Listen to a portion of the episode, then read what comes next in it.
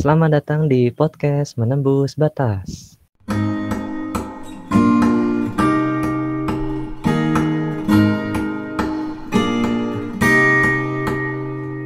Oke, kita kembali lagi di podcast Menembus Batas. Nah, sebelumnya kita udah bahas apa, Mil?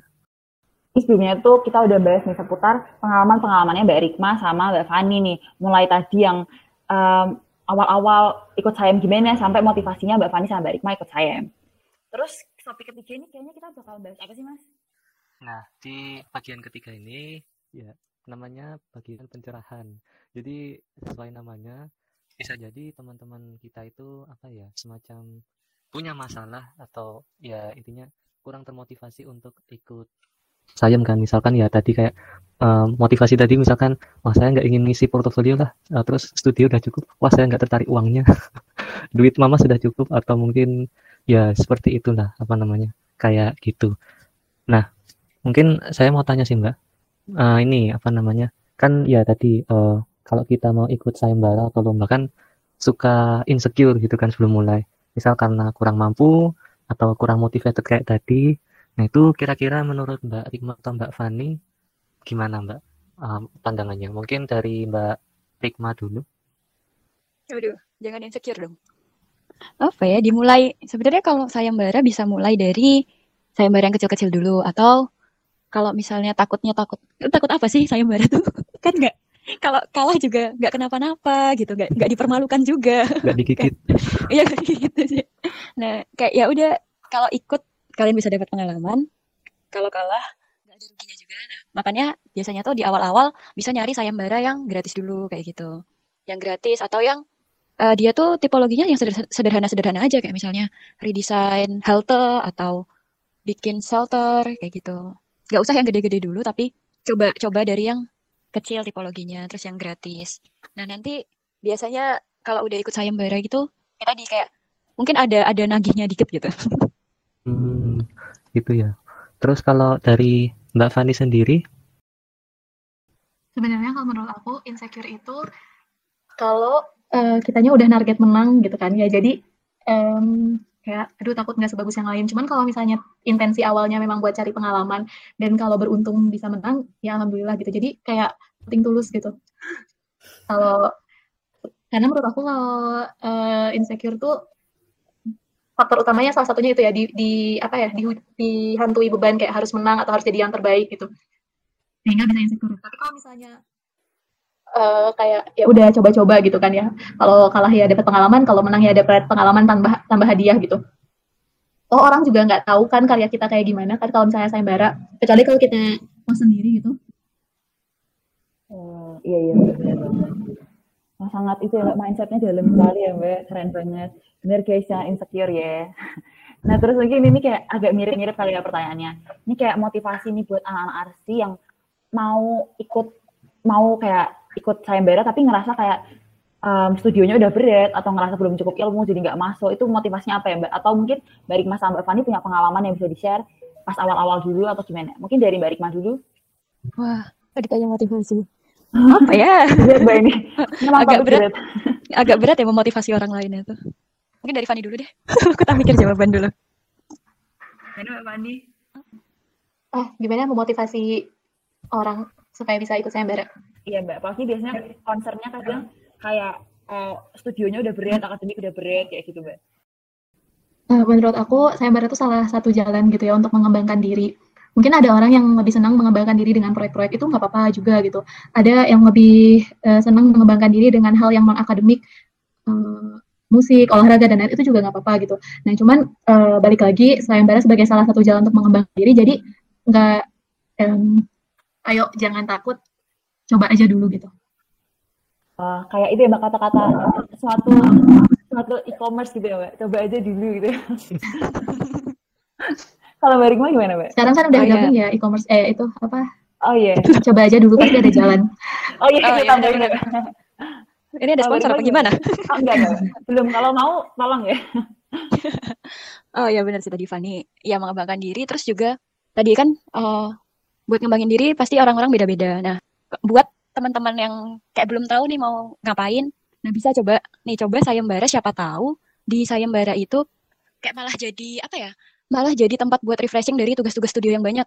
Kan emang kalau ngerasa gak sih kalau ngerjain studio itu kan waktunya lama tuh. Kayak kadang ngerasa jenuh karena yang mungkin yang dikerjain gara-gara itu-itu terus. Jadi uh, ngerasa capek, jenuh, kayak malas ngerjain. Ya banyak revisi, ya kan. Kayak yang dikerjain tuh itu-itu terus. Nah mungkin dengan uh, coba ikut sayembara kan ngerjain yang lain tuh. Dan uh, menurutku juga sayembara itu kan lebih bebas ya daripada di studio. Maksudnya kayak kamu bisa nyalurin apa yang kamu suka di sayembara itu. Misalnya kamu uh, lebih suka bikin render yang lucu-lucu tuh yang kayak kolase-kolase atau yang warna-warni. Nah, kayak gitu bisa bisa disalurin lewat sayembara itu gitu. Ya tergantung tipologi sayembaranya juga sih, tapi kebanyakan kamu bisa bisa lebih nge-explore diri kamu di sayembara. Kayak gitu sih buat refreshing. Oke Mbak. Hmm, oke. Nah misalkan Mbak, oh, saya sudah motivated ini, saya mau cari pengalaman, terus apa ya, mau coba-coba yang kecil-kecil, nggak mikirin cuan gitu.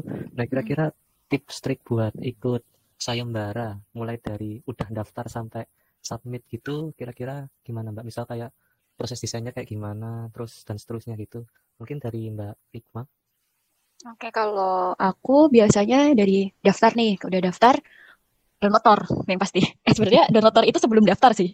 Kayak kita lihat tornya dulu, eh, yang dimau apa, terus kalau udah daf oh, udah ngerasa cocok sama tornya, terus ya udah daftar. Em, terus eh, kalau secara tim berarti harus kayak ngulik-ngulik tuh tornya, kayak didiskusikan. Ini tuh sebenarnya yang dimauin apa sama tornya kayak, yang dipengenin goals-nya tuh apa kayak gitu.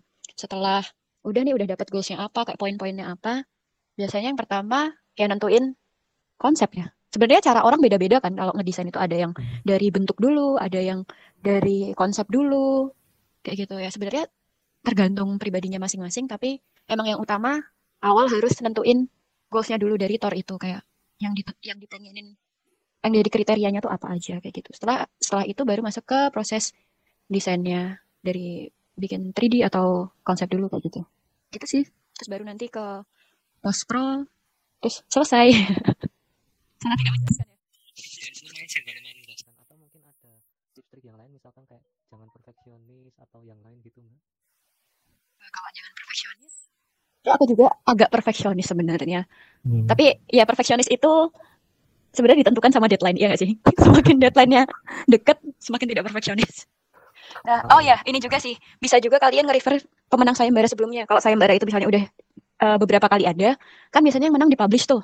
Nah, kalian bisa lihat dari yang menang itu. Misalnya yang menang tuh tipikalnya kayak gimana sih? Atau dari layoutnya, atau eh, dia lebih mentingin konsep, atau lebih mentingin bentuk. Kayak gitu kan bisa kelihatan ya. Dianalisis gitu loh yang kemarin menang kayak gitu. Hmm. Itu sih.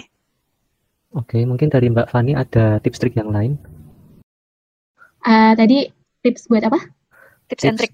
Hmm, tips trik ikut sayem mulai dari kan udah motivated kan nah tips trik waktu mulai sejak daftar sampai submit mungkin dari proses desain atau kayak tadi jangan perfeksionis atau yang lain itu Hmm, eh, kalau dulu pas SMA kan kalau ngerjain soal kita udah paham kita udah paham soalnya aja kita kayak udah dapat 50% dari nilainya. Nah, menurut aku sayembara juga sama. Kayak kalau kita udah bisa dapat core value dari sebuah tor, udah bisa ngebedah tuh sampai kayak ini tuh sebenarnya yang dimau tuh apa? Um, udah 50% jalan gitu karena kadang kala eh, karyanya tuh bisa bagus, cuman tidak sesuai apa yang diminta gitu atau misalnya eh, masih dalam satu koridor yang sama tapi sebenarnya intensi dari mereka itu bukan ke sana gitu. Kadangkala mem, apa ya membedah siapa jurinya atau misalnya misalnya yang ngadain tuh satu company gitu. Kita kita mempelajari company tersebut kecenderungannya ke mana gitu. Itu juga bisa sangat membantu sih untuk memetakan karena balik lagi ya desain itu kan ada mau nggak mau pasti ada eh, apa ya permainan selera yang sifatnya ya relatif gitu setiap orang sehingga mempertimbangkan hal-hal tersebut juga menurut aku bisa cukup membantu gitu. Oh, oke oke. Berarti tadi kalau tips dari Mbak Rikma ya eh, latihan dan ya pokoknya daftar pahamin. Ini Mbak Rikma sama Fani dia eh, tahu tornya, terus pelajarin tornya kayak gitu ya Mbak. Nah ini mungkin mirip-mirip lagi sih Mbak. Ini kalau ini tuh kan tadi Mbak Rikma sama Mbak Fani kan saya barengnya kan per tim ya. Ini ada nggak sih Mbak tips and trick buat bagi jadwalnya nih antara kuliah sama jadwal buat ngerjain sayembara dan apalagi tim yang kadang orangnya tuh punya kegiatan yang beda. Gimana nih Mbak? Mungkin mulai dari Mbak Fani dulu. Halo Mbak Fani. Ya, kalau tim kalau apa? Kalau tim buat bagi jadwalnya gimana Mbak? Oh, oh ya tadi aku mau nambahin satu poin lagi um, yang tentang tips and tricks tips and tricks sayembara. Ad, menurut aku ada dua dua klasifikasi besar gitu ya. Ada yang mengunggulkan konseptual sama ada yang mengunggulkan buildability. Jadi kayak misalnya yang tadi yang Alpha X gitu ya contoh kasusnya. Mereka kan memang mau dibangun ya proyeknya, termasuk juga yang Green Wins. Mereka kan memang mau dibangun. Jadi uh, kecenderungan yang lolos itu disandingkan yang memang kayak uh, sangat sangat mungkin untuk dibangun gitu baik dari segi budget, dari segi ukuran, dari segi konsep gitu. Nah, sedangkan ada yang sayem-sayem yang lebih mengunggulkan konsep aktualnya gitu. Sehingga yang cenderung lolos itu yang idenya seliar mungkin gitu. Mencoba out of the box gitu. Jadi menurut aku um, dari awal harus bisa menganalisis kira-kira ini tuh lebih condong ke yang kayak serealistis mungkin atau seliar mungkin kayak gitu. Nah terus yang tadi uh, berdasarkan waktu apa ya waktu ngerjain gitu ya kalau misalnya dalam tim Nah, balik lagi, kenapa aku lebih condong, lebih prefer buat berdua daripada tiga atau lebih, itu juga salah satunya menyesuaikan waktu ya. Kalau misalnya berdua kan kayak, oh kamu bisa, oke okay, aku juga bisa gitu. Tapi kalau tiga kan men mencari titik temunya lebih susah lagi gitu. Jadi aku lebih prefer berdua gitu. Nah, cuma ada beberapa sayembara juga yang skalanya sangat besar, yang memang uh, sampai mereka tuh boleh mem membolehkan anggota sampai lima orang atau lebih gitu. Jadi tergantung dari skala sayembaranya juga ya. Kalau sayembara-sayembara yang sangat besar itu, mungkin pembagiannya bukan kayak kalau aku berdua sama Rikma tuh biasanya kita ngerjain semuanya bareng gitu. Jadi kayak nggak ada yang kamu megang 3D, aku megang apa gitu. Kita kecenderungannya semua dibagi dua gitu. Nah, kalau yang kayak sangat besar dan melibatkan lebih banyak orang, mungkin bisa tuh kayak satu orang megang satu uh, tanggung jawab tertentu gitu. Oke oke Mbak. Nah, kalau dari Mbak Rikma sendiri gimana Mbak? Ya tentang masalah waktu juga tadi sebenarnya ini juga bisa masuk ke tips and tricks tadi sih. Sebenarnya kayak kenal kayak kita harus kenalin diri kita sendiri berapa lama kita ngerjain sesuatu gitu. Kayak kita harus tahu estimasi buat kita ngerjain uh, tugas ini tuh berapa lama sih misalnya uh, kan tadi udah uh, nger bisa ngerjainnya di uh, di di sendiri-sendiri nih kayak dibagi-dibagi gitu kan. Nah, itu juga nanti berpengaruh ke uh, timeline buat ke deadline-nya.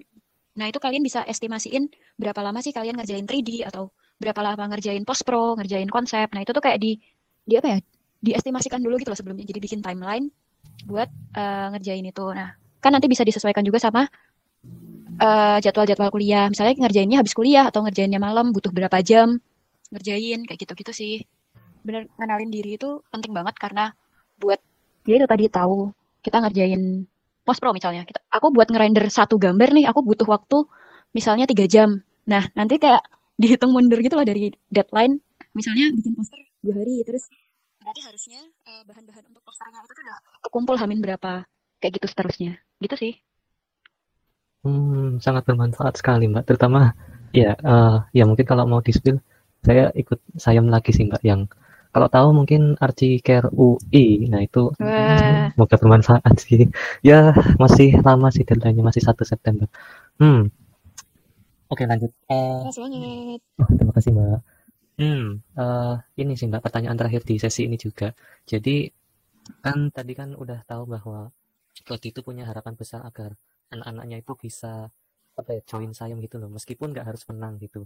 Nah kira-kira menurut Mbak Rikma sama Mbak Fani itu uh, harapan Mbak Rikma sama Mbak Fani buat ke prodi biar apa namanya uh, harapan prodi ini yang tadi yang partisipasi mahasiswanya itu banyak buat ikut sayem walaupun nggak juara itu kira-kira apa ya namanya Mbak Fani sama Mbak Rikma ada saran apa ke prodi gitu? Misalkan mungkin dukungan dana atau mungkin apa gitu. Hmm, apa ya? Waduh dudu enggak eh kalau soal dukungan mereka MTA sendiri pun udah dukung dengan adanya kalian kan pasti ini kan ngepost ngepost tentang sayembara apa aja nih yang ada sekarang. Nah itu tuh udah membantu. Terus kalau soal prodi apa ya? Apa ya? Mungkin dana pendaftaran awal atau kayak bimbingan asistensi gitu menurut Mbak Rima perlu nggak? Oh kalau asistensi bisa sih kayak mungkin ke beberapa dosen gitu. Mungkin bisa tapi kayaknya bakal banyak banget ya yang asistensi kalau misalnya banyak yang ikut terus jadi agak banyak juga. Ya kalau untuk dana uh, kita kan biasanya ini nih kalau misalnya diundang presentasi gitu kita bisa bikin proposal terus ya minta reimburse ke prodi. Nah itu udah diganti sih dananya kayak gitu. Oh, Cuma ya kalau ya gimana? Jadi finalis gitu ya mbak atau gimana? Iya jadi kan kalau misalnya kita diundang buat presentasi Berarti kan ada biaya transportasi, penginapan dan lain-lain gitu. Nah, itu kita sebenarnya bisa minta ganti ke prodi. Jadi kita bikin proposal gitu, proposal proposal kegiatan kayak laporan kegiatan gitu nanti dimintain ke eh diserahin ke bagian keuangan, terus nanti bisa diganti uangnya. Gitu sih. Yang kemarin kita kayak gitu. Kalau untuk dana pendaftaran kayaknya selama ini belum ada sih. Cuma kalau ada bagus. Nanti bikin surat itu sih mbak biasanya. Iya. Gitu tuh kayaknya. Iya bimbingan sih oke sih. Bisa bisa. Oh, Membantu banget sih bimbingan. Apalagi tadi Hmm. nambahin perspektif lain tadi kan kayak yang Fanny bilang. Dari yang Oh. lebih profesional gitu. Oh, berarti Mbak Rima menganggap perspektif lain itu bukan sebagai kayak beban gitu, tapi sebagai kayak pembuka kita jadi mau ngembangin desainnya kita gitu ya Mbak? Ya benar. Soalnya kita kadang stuck sama desain kita sendiri juga kan kayak kayaknya udah deh tapi kok kerasa ada yang kurang tapi kita nggak tahu apa yang kurang gitu. Mungkin dari sisi misalnya kayak dari dosen kan lebih punya banyak pengalaman. Nah, itu bisa ngasih masukan kayak gitu. Hmm. Oh, oke oke Mbak. Kalau dari Mbak Fani sendiri gimana Mbak? Eh, kalau aku lebih ke ini sih mungkin em, kenapa harus mulai aja dulu pasti ada jalan karena aduh kayak di sponsor ya. Karena sayembara tuh kayak investasi menurut aku. Investasi bukan hanya ka- karena menang terus bisa ditulis di portofolio tapi ke pengalaman gitu. Pas awal-awal ikut sayembara pasti kerasanya kayak text time banget gitu. Karena itu kita lagi mencari pola gitu istilahnya. Sayembara tuh kayak gimana sih polanya? Harus nggak butuh berapa lama gitu. Terus harus apa aja yang dikerjain? Prosesnya kayak gimana? Masih mencoba-coba gitu. Dan seiring berjalannya waktu pola-pola tersebut tuh mulai kebaca gitu. Akhirnya prosesnya juga bisa lebih cepat kalau kita bandingkan ya kita kayaknya pas Iya. ngerjain awal-awal sampai ke sini-sini tuh eh, waktunya bisa lebih eh, singkat gitu. Dan kita udah tahu nih jalan untuk bersepakat tuh kayak gimana gitu. Pola-pola itu tuh lama-lama mulai kebentuk dan akhirnya eh, bisa mempermudah kita juga. Nah sehingga sedini mungkin kayak ya investasi kan semakin bagus kalau kita mulai sedini mungkin ya bukan kayak masalah mana yang paling berpotensi doang. Nah, sayembara juga menurut aku kayak gitu gitu. Selain milih eh, dari tornya dari yang eh, tor yang menarik, terus eh, sayembaranya yang skalanya memenuhi gitu. Kita mulai dulu tuh eh kita mulai lebih dulu tuh bisa ber apa ya membuat kita berkembang lebih jauh gitu ke depannya gitu. Se, se apa ya? Karena sifatnya kumulatif gitu kan pengalaman. Jadi ya udah mulai bisa membaca patternnya gitu. Wah iya iya Mbak. Kalau Mbak Fani sendiri, kalau yang tadi soal eh, rencana ada bimbingan buat eh, orang-orang ikut sayem atau bantuan dana gitu, Mbak Fani sendiri nanggepinnya gimana Mbak? Eh, menurut aku bagus-bagus aja sih kalau misalnya kita bisa menghadirkan perspektif lain gitu. Cuman lebih ke teknis paling ya karena kan eh, beberapa sayembara juga kita ngerjainnya mepet ya. Kalau udah kayak kepentok deadline gitu, boro-boro mau minta pendapat orang kayak pendapat teman seangkot aja kayaknya udah jangan dulu diam dulu gitu kayak selesaiin dulu aja. Gitu. Pengalaman. Kayak ya bersinggungan dengan time manajemennya. Oke oke Mbak. Nah kayaknya nih udah topik tiga ini udah cukup lebih berat ya kayaknya ngerasain daripada topik sebelum-sebelumnya. Ini topiknya mencerahkan dan kayak apalagi terutama buat orang-orang yang masih em, ragu sih buat ikut sayem dan aku sendiri juga ini nambahin pengetahuan banget sih Mbak. Pasti aku maba kan bisa dibilang jadi kayak belum tahu apa-apa. Nah kalau menurut Mas Iqbal sendiri gimana nih Mas? Ya, luar biasa sih. Kan eh, dalam kondisi aku juga ikut sayem jadinya lebih termotivasi gitu ya. Nek Wirya Iya, udah Mas. termotivasi atau belum? Belum sih Mas, aku udah kayak ngerasa wow keren juga ya. Apalagi kayak tadi tuh Mbak Fani tagline-nya mulai aja dulu ya. Itu kayak motivasi. Kayak motivasi apa gitu. Nah, mungkin apa ya? Sebenarnya ini sesi 3 udah selesai sih. Jadi ya kita ternyata sudah dapat banyak insight dari sayembara itu apa, terus bagaimana pengalaman sayembaranya Mbak Rikma sama Mbak Fani itu kayak gimana, dan pendapat-pendapat Mbak Fani dan Mbak Rikma buat memotivasi kita ikut sayembara. Nah, kita sekarang sudah berada di penghujung podcast, tapi sebelum se- apa sebelum kita tutup mungkin dari Mbak Rikma sama Mbak Fani ada closing statement gitu. Mungkin dari Mbak Rikma dulu. Aduh, closing statementnya jadi mulai aja dulu pasti ada jalan. Iya ya. Ulang-ulang. Sponsor masuk. jangan jangan takut buat nyoba hal baru sih. Kayak siapa tahu eh, kamu jadi suka gitu. Jangan takut, jangan takut. Mulai aja dulu. Tetap ya Mbak. Dimasukin. Betul. Terus kalau dari Mbak Fani, apakah sama closing statementnya? Hmm, apa ya? Sebenarnya yang paling menggambarkan itu sih mulai aja dulu pasti ada jalan cuma Aduh. kalau kalau dibahasakan lain mungkin eh, ya saya barat tuh kayak ngumpulin pengalaman gitu ya semakin banyak kamu uh, ikut sayembara semakin banyak pengalaman yang terkumpul, semakin banyak juga peluang yang bisa tercipta gitu. Oke, ya kita sudah mendapatkan closing statement dari Mbak Rikma dan Mbak Fani dan akhirnya kita telah sampai di penghujung podcast. Terima kasih kepada Mbak Rikma dan Mbak Fani yang telah sharing-sharing terkait sayembara dan terima kasih teman-teman untuk yang sudah mendengarkan dan mohon maaf kalau ada kekurangan dari kami selaku podcasternya. Dan selanjutnya apa Mir? Nah iya, makasih banyak Mbak Rikma sama Mbak Fani. Nah selanjutnya itu uh, teman-teman tuh uh, jangan lupa ya, jadi kita tuh di sini ceritanya sih rencananya kita nggak bakal sampai di sini aja. Jadi uh, ke depannya kita bakal ada kelanjutan dengan topik-topik dan juga pembicara-pembicara yang keren-keren lainnya. Nah pokoknya kalau kalian penasaran, stay tune terus stay di podcast Menembus Batas. Dadah. Dadah. Dadah.